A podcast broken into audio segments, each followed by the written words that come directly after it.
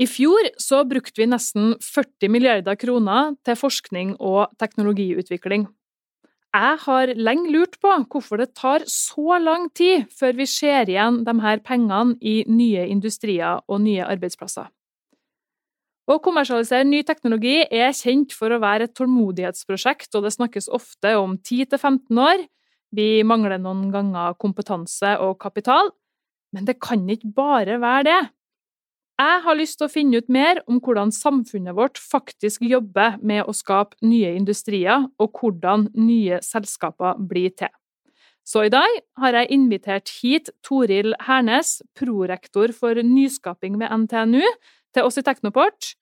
For det er jo tross alt universitetene som forsker mest her i landet, og NTNU skryter mye av samarbeidet de har med næringslivet, og ikke minst Trondheim kommune og offentlig sektor. Jeg er nysgjerrig på hvordan hun får forskerne og studentene sine til å tenke mer på innovasjon. Er de virkelig så gode som de sier de er?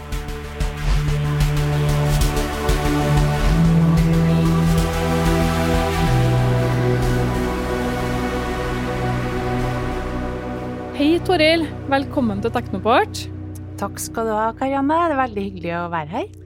Så bra. Du, eh, du er prorektor for nyskaping på NTNU, og så vidt jeg husker, så ble du også Norges første prorektor for nyskaping ved et universitet. Hva, hva er det en prorektor for nyskaping gjør for noen ting? Ja, jeg var ikke første prorektor, jeg må si. Johan Hustad var jo en, eh, noen eh, år før meg. Men eh, en prorektor for nyskaping har egentlig mange oppgaver. Vi har jo flere kjerneoppgaver ved universitetene. Det er jo forskning, det er utdanning, og så er det innovasjon, nyskaping.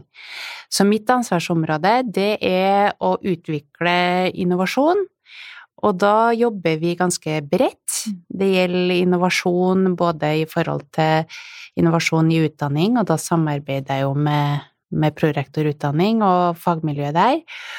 Og så er det også hvordan vi kan omsette enda mer av forskningsresultatene til innovasjon og gjennom kommersialiseringsprosesser.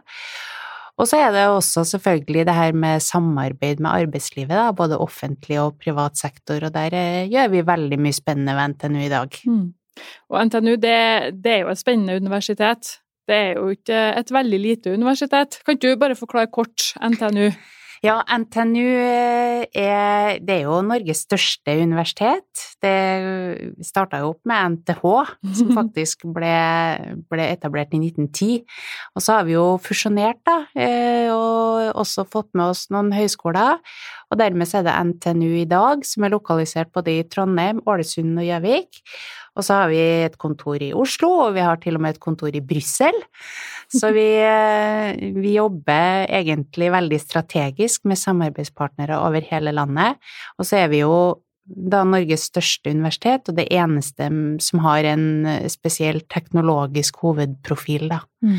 Og det merker vi jo spesielt nå, fordi at teknologi og digitalisering er jo veldig liksom i fokus, og da får vi veldig mange etterspørsler etter samarbeid. Mm. Altså, du sier jo Norges største universitet, noen sier jo Norges beste universitet også, er du enig? Absolutt. Mm. og jeg er jo utdanna her sjøl også, så, så, klart, jeg syns absolutt det. Mm. mm. Altså, Norges største universitet det har jo 7500 ansatte og 40 000 studenter. Det er jo 7500 ansatte da, som helst skal jobbe med innovasjon og kommersialisering. Altså, hvordan, Når du er prorektor for nyskaping, hvordan, hvordan, får du med deg de ansatte på å tenke innovasjon eh, og tenke kommersialisering? Ja, det er jo egentlig et ganske omfattende spørsmål, Karianne. Men eh, det som jeg har eh, Det som jeg starta opp med, det er å se på har vi gode strukturer og lederforankring når det gjelder innovasjonsoppgaven. Og da så jeg fort at det hadde vi jo ikke. Mm. Så eh, det vi har gjort, er å etablere et eget utvalg og vi har utnevnt prodekaner ved alle fakultet som har ansvar for innovasjon og nyskaping. Og alle de her prodekanene de er da med i det her innovasjonsutvalget. Og vi har jo tilsvarende utvalg for både utdanning og forskning ved NTNU. Så det å ha en arena, en lederarena, der man kan både diskutere eh, virkemidler, hvordan man skal jobbe med kompetanseutvikling, kultur for innovasjon, det er viktig. Og så har vi etter hvert også gått helt liksom i fundamentet og sett på hvordan ser egentlig IPR-politikken vår ut. Ja, IPR, hva er det for noe? Ja, det er intellectual property, det er altså mm. eiendom og det du på en måte eier, da, mm. uh, gjennom eh, jobben du gjør, og gjennom det du utvikler innen både forskning og for så vidt utdanning også. Mm. Uh, og hvordan du, hvis du velger å kommersialisere uh, forskningsresultatene dine, f.eks. gjennom å etablere firma eller uh, andre måter, så, så hvordan, hvordan, jobber du med det? og så, hvis det skulle bli inntekter ut av det, hvordan fordeler vi det og gir noe tilbake også til både fagmiljø og oppfinnere, da? Vi, vi kommer nok mer tilbake til det etter hvert, tenker jeg. Mm. Um, altså, det er mange som har sagt at det er litt vanskelig å være forsker eh, og skal på en måte forske, drive med grunnforskning, og det å også kunne drive med innovasjon og nyskaping samtidig. Eh, mange mener kanskje at altså, hvis man satser på det å kommersialisere, så vil man få mindre muligheter til å drive med grunnforskning. Eh, så man blir på en måte tvunget til å ta et lite valg da, på hva man skal bruke tida si på. Er, er det riktig? Ja, det tror jeg du har helt rett i, faktisk. Og når du står der som eh, forsker eller professor og skal liksom se på dagen din og timene du har tilgjengelig, så er det jo en utfordring i forhold til hva du skal bruke tida på og utdanning eh, og forelesninger og alt det her, det har du jo, det er jo på en måte låst, da. Og så kommer forskning, og du skal jobbe med å skrive gode søknader, lage konsortier, samarbeide med andre universitet, og kanskje også med næringsliv og offentlig sektor og så videre. Så det er klart at uh, da blir det ofte sånn at det er ikke så mye tid til å jobbe med innovasjon. Eh, så det vi også har sett på, det hvordan, eh, hvordan insentiver har vi, hvordan, eh, til, hvordan virkemidler har vi for de ansatte, så de f.eks. kan bli frikjøpt til å jobbe med innovasjon, men også hvordan vi kan stimulere og, og få også bedre karriereløp når det gjelder det å jobbe med innovasjon. Mm. Men det her er ting som enda ikke er på plass, så for den enkelte forsker og professor så er det faktisk ganske utfordrende å få hverdagen til å gå i hop, da. Mm. Da blir det jo sånn at sant, først har du utdanninga, og så har du forskninga, og så kommer på en måte nyskapingsaktiviteten litt nederst på prioriteringslista, fordi det er det du gjør når du får tid, og ikke må nødvendigvis prioritere, for du får ikke så mye tilbake for å gjøre det. Jeg tror det kan oppleves sånn, eh, men så tror jeg også nå fremover så ser vi at eh, det er ikke bare pga. pandemien, men det er ganske mange utfordringer som vi har, ikke bare Norge, men hele verden. Vi skal løse klimautfordringene, og vi skal skape bærekraftige løsninger, og vi skal Altså, det er veldig mye som skal konkretiseres og leveres. Og vi har også sett at samarbeid med arbeidslivet, både privat sektor og offentlig sektor, blir enda viktigere for oss i akademia. Så jeg tror kanskje at, eh, at eh, også hos eh, forskerne og professorene så ser de at samfunnet enda mer opptatt av at kunnskapen skal komme ut, mm. og at verdien av samarbeid og det å drive med innovasjon blir viktigere. Det er også økte forventninger til at vi skal bidra med innovasjon utenifra. Jeg har litt sånn inntrykk av at universitetene sin rolle har endra seg litt der eh, gjennom tida, fra å før være litt sånn lukka eh, institusjoner, nesten litt på sida av samfunnet kanskje noen gang, til nå å bli mer i sentrum for, eh, ja, som endringsagent av samfunnet. Da. Det kan jo kanskje ha noe med at vi vi i Norge har jo f.eks. en stor olje- og gassindustri, og det snakkes jo mer enn noensinne om at den industrien skal ta slutt, og at mm. vi må ha andre ting å, å leve av, og at svaret på det vi skal leve av i framtida, i større grad kan springe ut da, fra akademia. For det er der eh, Vi pøser jo 40 milliarder kroner inn i forskning hvert år, eh, som vi gjerne vil ha ut eh, i noe annet. Er det sånn at universitetene nå er den fremste endringsagenten for det samfunnet vi skal ha i framtida? Jeg velger jo å tro det, da. og jeg er veldig enig med deg. Enig med deg i at uh, vi har et uh, uforløst potensial i forhold til å få til enda mer innovasjon fra mm. all forskninga som vi driver på med innenfor sektoren. Men det er uh, det er faktisk veldig stor andel av forskninga som faktisk, og den kunnskapen som kommer fra forskninga, som på en måte går over til næringsliv og offentlig sektor òg, gjennom alle de her samarbeidsprosjektene som vi har. SFI-ordninga og FME-ordninga er jo uh, uh, senterfunksjoner som er støtta av Forskningsrådet, og som fungerer godt og hvor eh, du får kunnskapsoverføring uten at du nødvendigvis teller det på kommersialiseringa videre. Sånn at eh, jeg tror det er viktig å huske på at eh, det er ikke alt som kan telles heller, men noe kan fortelles gjennom sånne impact cases, hvor du, hvor du kan synliggjøre nytteverdi i, i forskningsresultatene. Men når det er sagt, så tror jeg fortsatt at det er et uforløst potensial mm. til å få til mer kommersialiseringer mm. og startup-virksomhet, både mm. fra ansatte og studenter. Ja, og når vi snakker om startup-virksomhet, altså hvordan skjer den hva skal jeg si, tradisjonelle akademiareisa ut for en forsker som sitter på et prosjekt, eh, ser at her er det mulighet for å, ja, en idé eller en tjeneste som kan la seg eh, finne veien inn i et oppstartsselskap. Altså, hvordan skal man gjøre det? Hvordan, hvordan er det i dag? Jeg tror at mange opplever det ganske utfordrende. Mm. Eh, og sånn tradisjonelt så, så, driver jo på en måte forskerne eller professorene med forskning. Og den reisa fra og det å generere et forskningsresultat til at det faktisk skal bli en innovasjon, det er en litt annen type kompetanse, litt annen kunnskap og andre virkemidler som skal til for den reisa, enn det vil være for å generere et nytt forskningsprosjekt. Så det vi jobber med, det er jo å, å la gode virkemidler og øke kompetansen til den enkelte forsker Eh, i forhold til hva man kan eh, gjøre, og hvilke virkemidler og støttefunksjoner man skal bruke. Mm. Og så er det sånn at jeg pleier å si at uh, det er mange som snakker om the value of death, på en måte. Det er jo en, en, en måte å snakke om hvordan liksom Når du allerede har et oppstartsselskap og skal skalere det, at det er vanskelig å på en måte få skalert det, fordi, fordi du mangler kapital videre. Men jeg pleier å si at det er egentlig to value of Death. Og den første, det er egentlig uh, å få et forskningsresultat utvikla såpass langt at du faktisk kan etablere selskapet. Og det er den reisa uh, jeg er veldig opptatt av at vi klarer å profesjonalisere og forbedre i akademia. Mm. Og der der handler det om både å gi forskeren eller professoren tid til å jobbe med verifisering, eh, uttesting, utvikling av prototyper. Og så handler det også om å ha med seg rett støtteapparat og de gode hjelperne, for å si det sånn. Mm.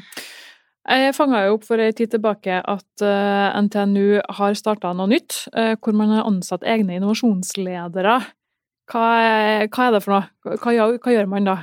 Ja, det handler jo egentlig om eh, Da jeg starta som prorektor, så så jeg litt ut i fagmiljøet i forhold til, til, kompetanse og kapasitet. Og jeg er veldig opptatt av at det er ute i fagmiljøene det skjer. Eh, og så hadde vi litt sånn utkikksposter og, og, så litt på hvordan de andre universitetene i verden gjør det. Blant annet så var vi på besøk til Løven, som er et av de mest eh, innovative universitetene i Europa. Og de hadde 32 innovasjonsledere ansatt hos seg for å jobbe med utviklingsprosjekter og kommersialisering. Så eh, vi modifiserte litt på det her og har gjort det til vårt, og har starta da med 15 innovasjonsledere på NTNU. Og det er også et prosjekt hvor vi har høsta en god del erfaring nå, og vi skal diskutere veien videre mm. i forhold til en fase to mm. eh, også.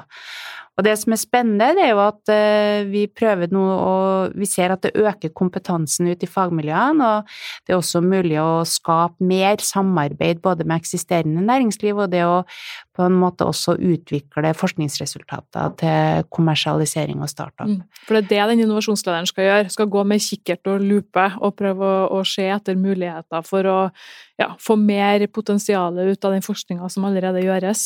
Det skal innovasjonslederne gjøre, og det gjør de i dag, men vi ønsker også at innovasjonslederne skal jobbe med å utvikle nye prosjekter, og, og gjerne da i samarbeid med eksisterende næringsliv for å, for å få til enda mer eh, teknologier og, og, gjøre det lettere for næringsliv og offentlig sektor å omstille seg. Mm.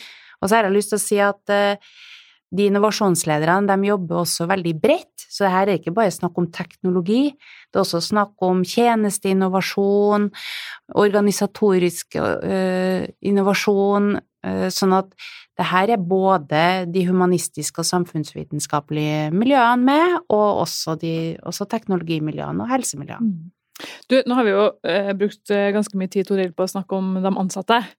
Eh, men det er jo 40 000 studenter som eh, holder til ved NTNU, og det hviskes jo mange plasser om at hvis du har lyst til å drive med studentinnovasjon, så er det NTNU du, du skal gå på. Eh, dere er jo gode i spiss, men hvordan er det med bredden også? Hvordan forholder studenter på NTNU seg til innovasjonsbegrepet? Alle uh, unge som har en gründer i magen, bør begynne på NTNU. Det er det første jeg vil si. Fordi vi har et uh, unikt studentinnovasjonsmiljø på NTNU, og det er veldig spesielt, ikke bare i norsk sammenheng, men også i europeisk og internasjonalt uh, perspektiv, da. Og uh, det som gjør det unikt, det er jo at studentene driver det egentlig sjøl. Og de er veiledere for hverandre i forhold til å jobbe med ideer og det å skape egne bedrifter. Og så har vi jo selvfølgelig noen fagmiljø som, som er flaggskipene, og som, som, har tung innovasjonskompetanse i bunnen gjennom Engage og innovasjonsmiljøet vårt der, eh, som også driver fremdragende utdanning innenfor innovasjon. Og det her studieprogrammet Entreprenørskolen, hvor nesten alle studentene etablerer sin egen bedrift. Mm. Så uh, det som også er litt spennende nå, da, det er at vi holder på å bygge opp helt, et helt nytt studenthus. En campuspilot, kaller vi det, eller studentinnovasjonshub. Og den skal vi åpne nå uh, utover uh, våren. Og der skal det, skal det, virkelig være mulighet for studentene å boltre seg og jobbe med, med innovasjon. Jeg får litt lyst til å bli student, ja, da. ja, egentlig. Det er mye mer muligheter enn jeg på en måte tenkte når jeg begynte å studere. Ja, men det er jo et uttrykk for at, eh, tror jeg, da, eh, innovasjonsbegrepet og det med entreprenørielle ferdigheter altså har fått mye større fotfeste i mm. dagens utdanningssystem enn det bare hadde for kanskje ti år siden helt annet. Ja. Og det ser vi, det er ikke bare i, i Norge, men også internasjonalt, at uh, det å satse enda mer på studentene, liksom, og både også få inn uh, entreprenørferdigheter i studiet, mm. og det også jobbe med konkrete problemstillinger som arbeidslivet har, inn i i eh, studieprogrammene, det blir eh, enda viktigere fremover. Mm. Vi må nesten innom det litt på tampen her og snakke litt om, om hvordan NTNU samarbeider med alle aktørene. Altså Arbeidslivet er jo én. Eh, vi har virkemiddelapparatet som sant, Forskningsrådet og Innovasjon Norge, og vi har kapitaleierne, og det er gründere ute der. La oss ta en fot innom arbeidslivet. Altså, som et så stort universitet, da, så blir man jo ofte oppfatta som litt sånn mastodont og med lukka dører og vanskelig å finne fram, og hvem skal jeg nå egentlig snakke med?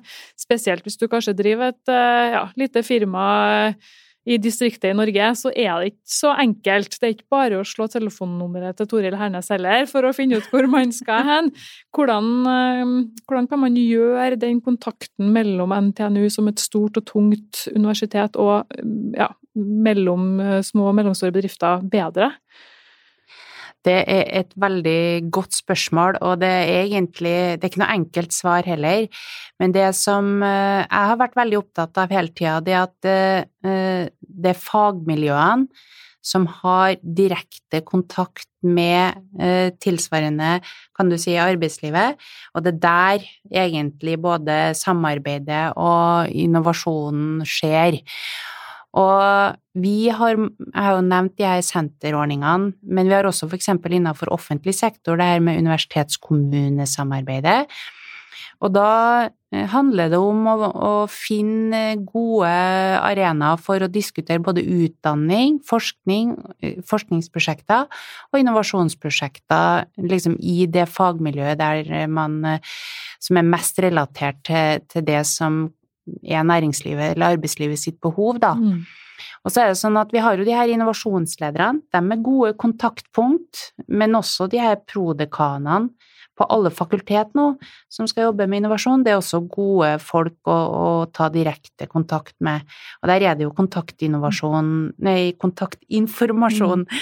på, på hjemmesida òg. Men bare ta kontakt med meg òg, hvis det er vanskelig å finne frem. Mm. Ja. Så det her drømmen om én dør inn til NTNU, den er kanskje litt utopisk, den? Jeg tror ikke det er hensiktsmessig, mm. faktisk, med én dør inn, fordi vi er såpass store, og det er såpass forskjellige behov ute i næringslivet. Eh, og som sagt, jeg er veldig opptatt av at vi kan levere det som næringslivet og arbeidslivet trenger. Så én dør inn tror jeg nok aldri det vil bli. Mm. Vi var jo litt inne på det i sted, altså det er mange aktører her. Eh, før så snakka man om trippel helix, og nå snakker man om femfaktormodellen når det er snakk til innovasjon, for det er, det, er, flere aktører som er viktig å ha med da, i, i denne kjeden. Eh, er det noe du kunne ha ønska deg av de andre aktørene, at kunne ha vært bedre? Ja, eh, det er det absolutt. Jeg har vært veldig opptatt av hva er det som er eh, vår rolle hva er det som er NTNU sin rolle, og hvordan skal vi spille godt sammen med, sammen med de andre? Eh, og da er det snakk om både virkemiddelapparat, kapitalmiljø osv. Og når vi snakker om kommersialisering, da, så, så er jeg også veldig opptatt av eh, hvordan eh, skal den enkelte forsker eller professor eh, se eh, hjelperne og, og virkemidlene som skal bidra til å realisere innovasjonen i sammenheng. Og da har vi en del støttefunksjoner internt, men så er det det som skjer på en måte eksternt, da, og som den enkelte må ut for å, for å få. Og der har vi jo virkemiddelgjennomgangen nå, som har satt en god del fokus på arbeidsdeling mellom de ulike aktørene, så det tror jeg er veldig viktig at den følges opp videre. Men så er jeg også veldig opptatt av uh, det her med hvordan vi skal skalere. Mm. Uh, og vi har satt i gang nå et nytt program som heter Entrepreneurs in Residence, hvor vi ønsker å få tak i erfarne industriledere og gründere som kan være med inn på et tidligere stadium i en kommersialiseringsprosess, sånn at eh, forretningsutvikling og mm. markedsperspektivet kan eh, starte mye tidligere da, enn det man har sånn, gjort eh, før. Nesten litt sånn professor to-vinkling på det, altså prøve å få inn ressurspersoner, egentlig, og del av kompetansen deres. Absolutt, men jeg tenker enda mer enn bare mentoring, på en måte, mm. men også duere som faktisk kunne ha tenkt seg kanskje å vært CEO-er og leda oppstartsselskaper fordi at de har mye mer erfaring til å kunne ta uh, gode teknologiideer ut på det internasjonale markedet. Mm. Sånn at uh, vi er veldig gode på forskning, vi er gode på teknologiutvikling, men så er det å få forretningsperspektivet inn enda tidligere. Og da tror jeg faktisk at det er også enklere å få skalert opp og komme over den andre Valley of Death da, mm. som, som, vi snakker om. Mm. Jeg tror nok du har rett i det at uh, sammensatt kompetanse og komplementær kompetanse uh, ikke minst er veldig viktig hos mm. oppstartsselskaper, både helt i startfasen, men også når de skal gå videre. Ja, og så tenker jeg også på det med å ha gode eh, inkubatorer og akseleratorer. og i, i, både Trondheim, Ålesund og Gjøvik så jobbes det jo med det. Og i Trondheim så har vi jo Diggs, og vi har Factory, og vi ønsker jo nå å få opp et innovasjonssenter òg på campus, sånn at vi kan få enda mer, kan du si, alle de her aktørene samla. Og så vil jeg bare si også at det ikke er istedenfor Factory og Diggs videre, det skal selvfølgelig være i tillegg til, for det vil vi trenge i mm. fremtida. Ja, jeg tenker at alle gode krefter her da, eh, er jo med og bidrar til at vi løfter oss noen hakk sammen, i sum. Absolutt. Og, det er det som måtte. og så har vi Innovasjonsdistriktet. Ja. Så der har vi også muligheter for næringslivet å komme og være med. Vi har jo satt oss en ganske stor og høy ambisjon her i, Trondheim også, på at vi ønsker å, å, ha et verdensledende innovasjonsdistrikt. Og der har jo NTNU sin naturlige rettmessige rolle, da, vil jeg si. Absolutt. Du Toril, aller til slutt, jeg hører jo at du har en veldig spennende jobb. Hva er det du syns er gøyest på jobb? Det artigste Eh, jeg ser, og det som virkelig motiverer meg, det, det er når jeg ser at det blir gode resultater ute i fagmiljøene. At vi får til det vi har tenkt, og at jeg kan bidra med noe for å utløse det potensialet som er ute der. Det vet jeg jo skjer i dag, da, så da håper jeg du sover godt om natta. Det gjør jeg. det er bra. Du, Toril Hernes, prorektor for nyskaping ved NTNU, tusen takk for at du kom til Teknoport sin podkast i dag. Takk skal du ha. Veldig hyggelig å være her.